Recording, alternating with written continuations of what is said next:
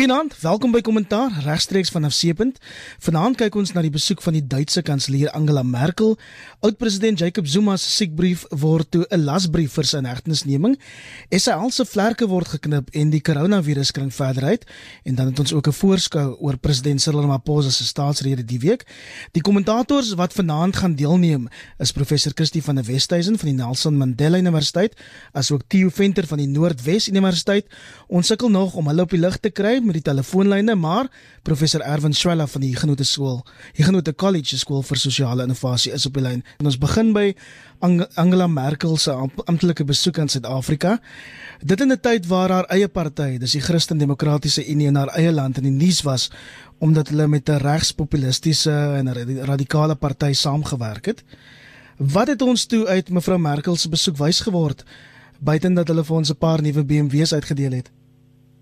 Ek dink ons moet sê dat uh, Duitsland is 'n land wat uh, oor baie jare werk met koalisiepolitiek en uh, daar is 'n uh, sterk opkoms um, in die Duitse politiek van die uh, die groen linkse ehm um, uh, die groenes in hulle geval noem hulle dit nou die groen linkse maar die groene en daar's ook 'n 'n verskywing na die ehm um, alternatief vir Duitsland. So daar is politieke skuwe daar maar die die kern dink ek hou en ehm um, uh, daar word soms ook maar soos in Suid-Afrika interessante koalisies gevorm maar dit beteken nie dat die dat die politiek en die en die regeringsstelsel nie stabiel is nie. So ek dink as ons kyk na mevrou Merkel dan kom sy van 'n land wat eh, 'n uh, kragsentrale en die woord is doelbewus gekies. Uh in die wêreldekonomie is in die Europese ekonomie en die Duitse ekonomie is natuurlik die kragsentrale. En hulle het ehm um, uiteindelik soveel om aan te bied spesifiek vir van die krisisse en dit is ook wat die fokus was van een van haar van haar voorstelle rondom energievoorsiening in Suid-Afrika.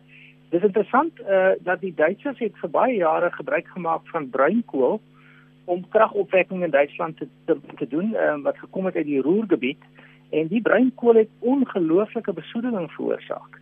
Hulle het met die tyd oorgeskuif na kernkragsentrales uh goeie veilige kernkragsentrales wat uiteindelik ook vir hulle 'n probleem geword het en tans uh is hulle in 'n situasie dat hulle geen bruinkool of kernkragsentrales het nie. Hulle doen alles met hernubare groen energie. En interessant genoeg, um, as 'n mens München uh neem as 'n voorbeeld, München is 'n groot stad en streek. In München is die die stad nie afhanklik van uh eie opwekking van krag nie. Al die krag vir die stad word voorsien deur gebruik te maak van uh, sonkragstelsels wat onder andere op die dakke van München se uh, huise geplaas is. En as jy mens daarna gaan kyk, München dit, dit is ook miskien nie so bekend nie, het minder sonskyn daar in die wêreld uh, uh, as Londen. Ehm um, of het eintlik minder sonskyn daar as Londen. Uh, dit is nogal nie dink ek altyd bekend nie. Uh, maar dit beteken ook dat die Duitsers het uitstekende tegnologie, uitstekende sakemodelle en uitstekende ehm um, uh, uiteindelik ehm um, moontlikhede om te help met ons kragvoorsieningskwessies. Dan natuurlik laastens iwer ehm um, uh, mense moet ook onthou dat die Duitsers is 'n uh, baie geïndustrialiseerde samelewing, maar ook op die voorpunt van uh, innoverende tegnologiese ontwikkeling. So daar daar word allerhande ehm um, vierde industriële revolusie uh inisiatiewe geneem om dinge beter te bestuur. Ehm um, daar's uitstekende innoverende universiteite in Duitsland. En wat ons dit ook sê, Duitsland het 'n lang betrokkeheid in Suid-Afrika met Volkswagen, met BMW, met Mercedes. En op 'n of ander manier is hulle deel van ons basis van industrialisasie, die tweede grootste handelsvennoot van Suid-Afrika. En nou ja, dan kan hulle seker maar vir ons 'n paar BMW's ook gee. Hy het hulle nie vir, vir my en jou gegee nie, maar in elk geval. Ja, gou sou dit gelukkig nie almal van BMW's nie.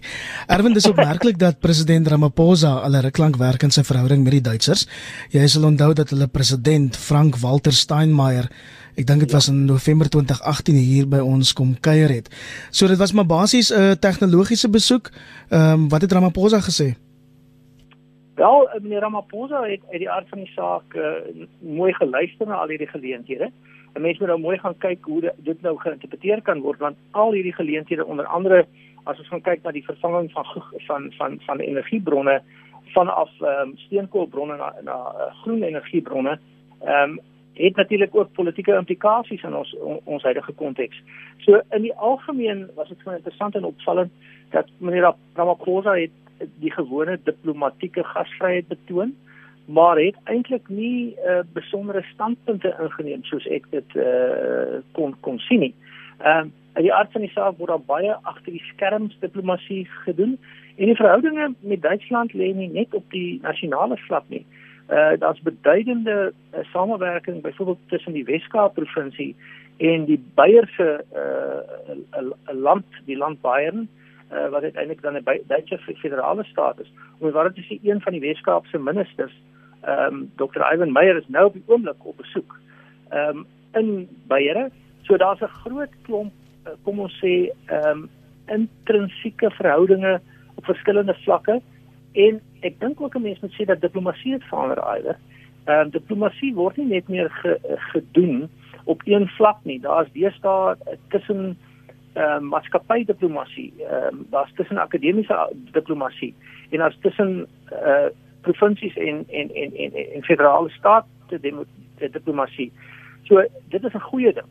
Ehm um, maar ek moet sê ek het nie ehm um, op op die eh uh, radarskerm gemerk dat meneer Ramaphosa behalwe dat hy uiters vriendelik en hoflik was en diplomaties was wat hy gesê het hier word nou 'n klomp nuwe ooreenkomste geteken. Ek dink van die goed is in elk geval aan 'n plek en dis nou 'n kwessie van uitvoering en implementering mits dit inpas by die politieke agendas van die Suid-Afrikaanse regering wat op 'n of ander manier altyd skynbaar alles oorheersend is. En ek wil eens met die gesprek bietjie vorentoe skuif na oud-president Jacob Zuma se lasbrief van hegtenisneming die week en terwyl van die tyd gaan ek julle sommer vra om met die deur in die huis te val. Tie ons begin by jou. Dit lyk nou dat um, Zuma moontlik wel toe regtig siek is. Maak dit jou minder simpatiek teenoor hom? Ja, nee, dit lyk of hy of hy regtig siek is. Nee, dit maak my nie regtig simpatiek teenoor hom nie behalwe dat ek dink die howe het gedoen wat die normale prosedure is en dit is as iemand nie opdaag nie en die siekbrief lyk nie baie legitiem nie, dan is daar normaalweg 'n uh, 'n bevel vir 'n hegtenisname en dit word gewoonlik teruggehou ehm um, totdat ehm um, die siekbrief uh, aangebied word, maar ek dink in die geval is dit mos maar deel van meneer Zuma se ou hofstrategie. So in daardie opsig is ek nie simpatiek nie, maar gesien sy ouderdom en stories wat ek gehoor het en ek moet dit of of uh uh gerugte is dat um, hy regtig siek is en dat van sy siektes uh lewensbedreigend is wat hy op die oomblik het. Erwin, ek sien die Vrystaatse ANC sê dis jammer dat die hof nou in hulle woorde pensionaars in die tronk wil stop vir dinge wat 15, 16 jaar gelede gebeur het. Maar die realiteit is dat die land nou nog sukkel met die nagevolge van van oud-president Zuma van staatskaping. Jou reaksie? Wel, as nou ek of jy of die job of Letiwe was, uh um, uh, dan dink ek uh, sou dieselfde gebeur het. En vir my word hierdie saak uh, natuurlik het mense empatie en simpatie met mense wat siek is. Ehm um, maar die saak word eintlik 'n meer dieper liggende uh filosofiese kwessie en dit gaan oor gelykheid voor die reg. Ehm um, as ek jy en Jabo en Letiwe uh, op dieselfde manier behandel sou word deur die hof, ehm um, al is ons siek, dan is dit wat moet gebeur. So ek weet nie hoekom daar 'n uh, toenemend 'n uh, 'n uh, 'n kwessie gemaak word of eintlik nie toenemend nie 'n kwessie gemaak word hiervan nie. Meneer Zuma kan mos nou opdaag of hy gaan nie opdaag nie um, op grond van sy siekte by die volgende hofsaak. Dis 'n proses wat loop. En vir my wat ook nogal skokkend is as ek kyk uh, na enkele berigte nou in die in die in die in die ehm um, koerante en so en wat in die nuus is oor die toenemende politieke brutaliteit ehm um, op verskillende plekke by uh waar waar gewone mense betrokke is. Uh, dan voel dit vir my dat hierdie hierdie skaping um, tussen wat gebeur met die elites in die regstelsel en wat gebeur met ons gewone mense in die regstelsel as jy iewers uh, by 'n petrolstasie moet uitkom want jy is nie heeltemal seker dat die polisie mense uh, legitiem is nie.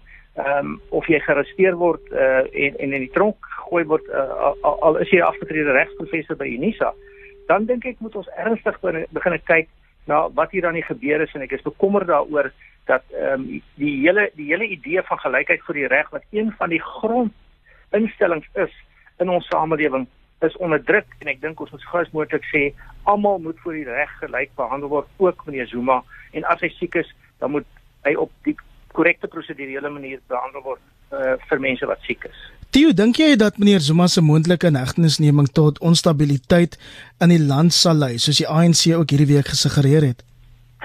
Nee, ek dink nie so nie en ek ek wil met Erwin 100% saamstel. Ek weet ook nie of die of die regsprosesse so ver sal gaan om skies om om 'n hegtenis te neem nie.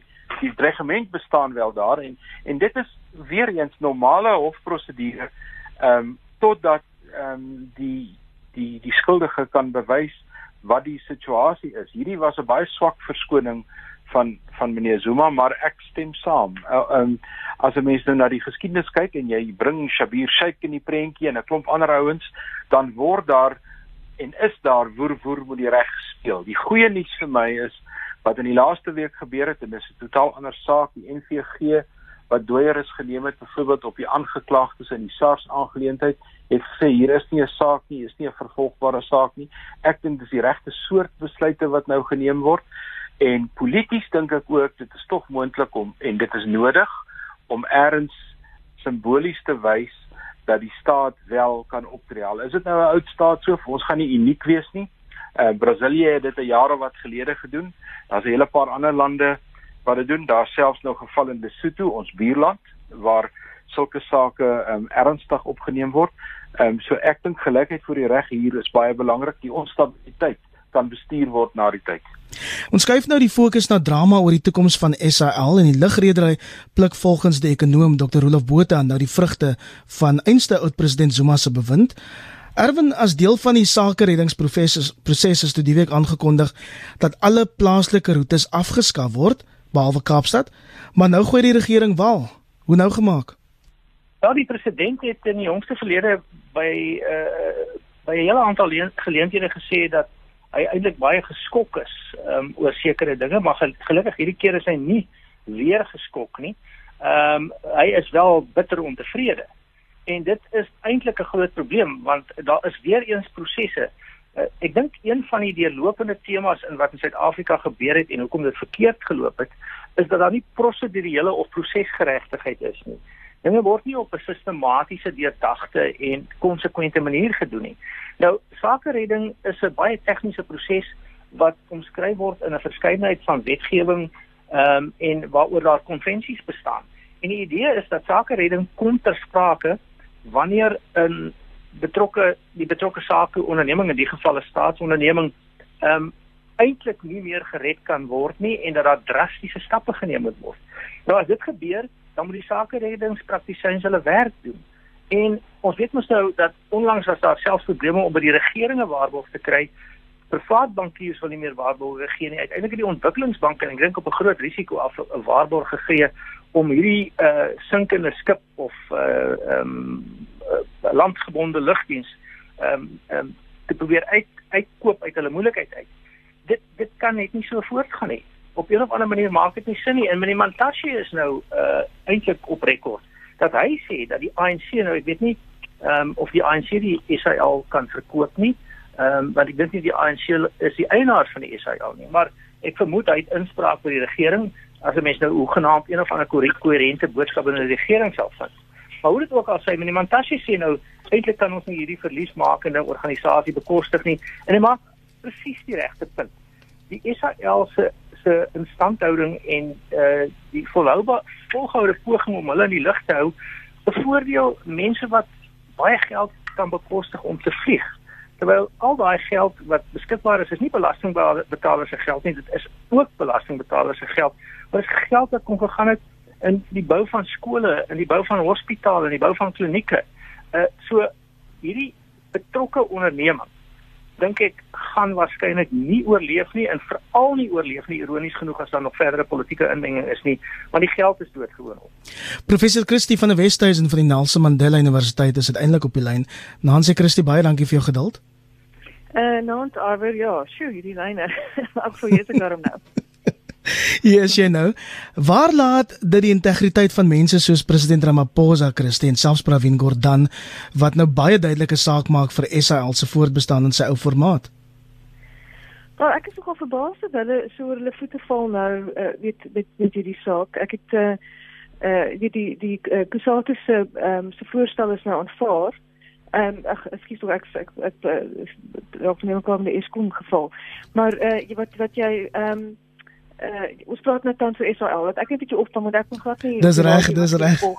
Ons praat nou oor Israel, né? Dis dis jy's jy's 100% reg. Jy's ja, nie verlore so, nie. So daar's 'n ander hoofsaake wat wat nou dreig in feite van van Nimsa wat wat vir my nou lyk is dat ons steeds met gevestigde belange wat nie bereid is om te konfronteer wat werklik met hierdie staatsondernemings uh, aan die gang is nie. So en ons sien dit nou ook met die met uh, met Eskom en die en uh, Kusate se plan vir ooreenkomste wat nou basies aanvaar word deur die Ramaphosa en Gordhan. En wat wat my betref is daar daar's 'n onwilligheid om regtig te konfronteer wat aan die gang is en en ook regtig 'n korttermynvisie. En uh, en weet uiteindelik sit jy met kyk Israel is nie is nie iets wat ons wat wat noodsaaklik is vir, vir ons e-, ekonomie nie. Eskom spel. So as as ek kom by by vet terugsny is is Israel die plek om te begin, so ek sê.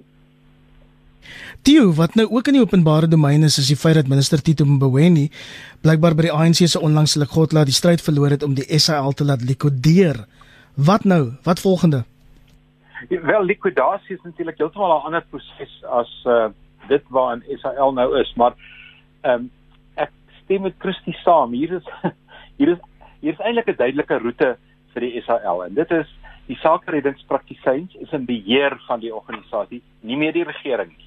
Uh nie meer Pravin Gordhan nie. En hulle neem besluite wat hulle moet verantwoord aan die howe en nie aan die regering nie. En nou word die die besluitnemingsproses is nou baie eenvoudiger. Dit is een of twee mense wat saam met raadgewers besluit hoe hierdie ding geneem word en dit is nie meer 10 of 20 soort politieke insette wat almal verwar nie.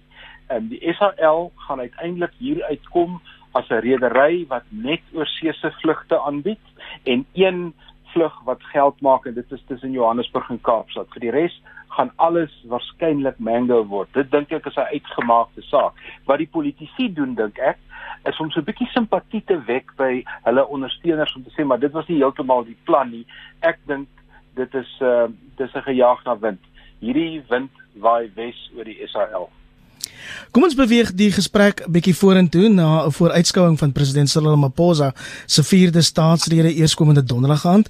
En die leier van die amptelike oppositie, John Steenhuisen, beskryf dit hierdie naweek as 'n waterskeidingsoomblik.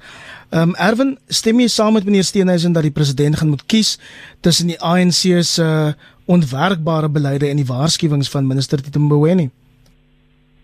Wel, dit is op die kaarte dat daar definitiewe keuses gemaak moet word en dat ons nou nie nog 'n ronde van uh vaar algemeenhede en uh interessante visionêre drome kan hê nie. Uh die land is op 'n fiskale en finansiële afgrond. Ehm um, en uh, die die die die die probleme word nie minder nie. Ehm um, en dit beteken eintlik dat ehm um, meneer Ramaphosa sal regtig moet gaan fokus op die kernkwessies in die land en daarop moet fokus op 'n wyse wat nie net 'n uh, breë uh, gesprek is nie, maar vir ons sê wat gaan gedoen word ten opsigte van die hantering van die fiskale en finansiële krisis. Uh, uit die aard van die saak, hierdie toespraak speel nou in op die verdere toespraak en die volgende belangrike een is die begrotingstoespraak. En daar moet Mboweni, meneer Mboweni moet aanleiding sê van wat gaan gebeur. En daar is hierdie uh, voortdurende filosofiese en ideologiese debat oor is dit nou die uh, die nasionale ontwikkelingsplan wat uh, skynbaar maar steeds vergete is of is dit die na, nasionale demokratiese revolusie en al die faksies. So dit beteken dat um, ons het nie duidelikheid nie. Daarom het ons onsekerheid en omdat ons onsekerheid het, versleg die toestand die die hele tyd. Daar's kernkwessies wat aangespreek moet word. Uh meestal ekonomiese kwessies wat ook verband hou met met werkloosheid en ongelykheid, wat ook verband hou met misdaad, wat ook verband hou met die ehm um, en uh, ek ek, ek, ek dink nie ons te mislukte staat nie, maar soogtende staatsinstellings en hierdie dinge moet direk en konkreet aangespreek word om dit heel spesifiek te maak.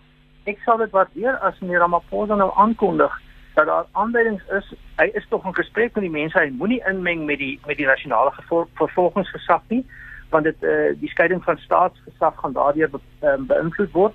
Maar hy moet tog vir ons sê, hoe is daar nou vordering om uiteindelik mense wat in al die kommissies en in al die ehm um, verskillende hofsaake geïmpliseer is te arresteer? Hy kan ons maar 'n verslag van advokaat Betoy daaroor kry net vir ons sê ons het regtig feitelike deurdagte aanduidings nodig van wat gaan nou gebeur.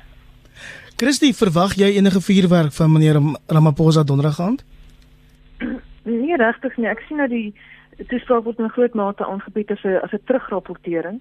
Die tema is iets soos ehm um, het ek in opvolg uh, op ons verbintenisse van verlede jaar om jou toekoms beter te maak of iets in daai lyn. So dit is dit is 'n uh, uh, uh, en hy het vyf beloftes uh, gemaak in verlede jaar se se uh, staatsrede oor uh, van weet uh, honger mense wat honger ly tot ekonomiese groei tot onderwys ensovoorts geweldsmisdaad en so aan en soos ons weet dat sy al per jaar absoluut en weet 'n verdere nagmerrie gewees op op, op al haar fronte en en het het so ek is nog onderskeurig om te sien want hy gaan nou terug rapporteer maar hy gaan nie verskillike goeie nuus sê nie. So wat 'n mens gaan moet hê is is daar dalk werklike stappe? En en sy groot probleem bly dat daar aanhoudende aanhoudende politieke inmenging is in in in in, in terme van wat regtig gedoen moet word op ons om ons land op 'n beter pad te plaas.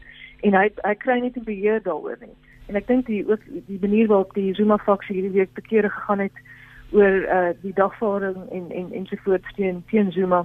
Baie sê daai faksie is is nog steeds besig met met hulle gewone nonsens en beskou hulle self uh, weet uh, as uh, weet as as mense wat wat nog steeds heel weet genoeg sal mag in die hand hê dat hulle daar dat hulle openbare diskurs kan oorneem op hierdie manier. So so hy weet vir hom op pose, ek dink hy is op 'n baie moeilike plek en ehm um, so ek ek is nie baie ek voel nie baie optimisties dat daar enige verrassings gaan wees in die staatsrede nie teorie een ding is net um, dis nie net president um, Ramaphosa wat van die kant af toe kyk en na politieke inmenging nie. Ons het nou die week met SAL gesien dat selfs hy die goed sê wat wat hy nie behoort nie byvoorbeeld oor oor die SAL ek vermoed baie suid-afrikaners wil eenvoudig na by hom hoor wat gebeur volgende meneer die president? Waarheen is ons op pad? Ja absoluut. Ek dink as ek 'n oorwoe siening moet gee dan is dit dat uh, hy gaan vertroue moet bou want die besigheidsklimaat, die besluitnemingsklimaat waarin ons is, baie Suid-Afrikaners het geweldig sinies geword oor alle grense heen oor die regering se vermoë om om te doen wat hy sê. En as 'n mens vinnig na 3 of 4 prioriteite moet kyk waaroor hy moet praat as hy vertroue wil skep dan is Erwin reg hy moet oor die ekonomie praat. Hy moet hy moet oor staatsondernemings praat en hy moet duidelikheid gee waarheen dit gaan. Vir my moet hy dan oor plaaslike regering praat want dis een van die dele van die Suid-Afrikaanse regering as Erwin sê ons is nie 'n falende staat nie en ek stem 100% met hom saam maar sekere gedeeltes van die regering soos byvoorbeeld plaaslike regering met uitsondering van die Wes-Kaap en 'n paar individuele staatsrade is eintlik besig om te misluk. Hy moet daaroor in sy staatsrede praat. Hy moet oor korrupsie praat en hy moet vir ons 'n aanduiding gee waantoe waantoe hy gaan. Maar die hoofdeel dink ek waarna almal kyk die ekonomie en die staatsondernemings dink ek gaan hy so klein bietjie oorlaat aan aan die begroting 'n week of twee later Ons sal dan 'n nou volgende Sondag aan hier op kommentaar behoorlike ontleding doen van die staatsrede. Ons het 'n paar minute oor, kom ons skuif die gesprek na die koronavirus wat nou reeds tot meer sterftes as die ernstige akute respiratoriese sindroom van 2003 geëis het. Ons eie regering sê hulle hou die situasie fyn dop. Sover lyk dit of ons as 'n land dit kon vryspring. Erwin, ek wil by jou begin, sommer kortliks julle almal se algemene menings hieroor kry. Ons begin by jou.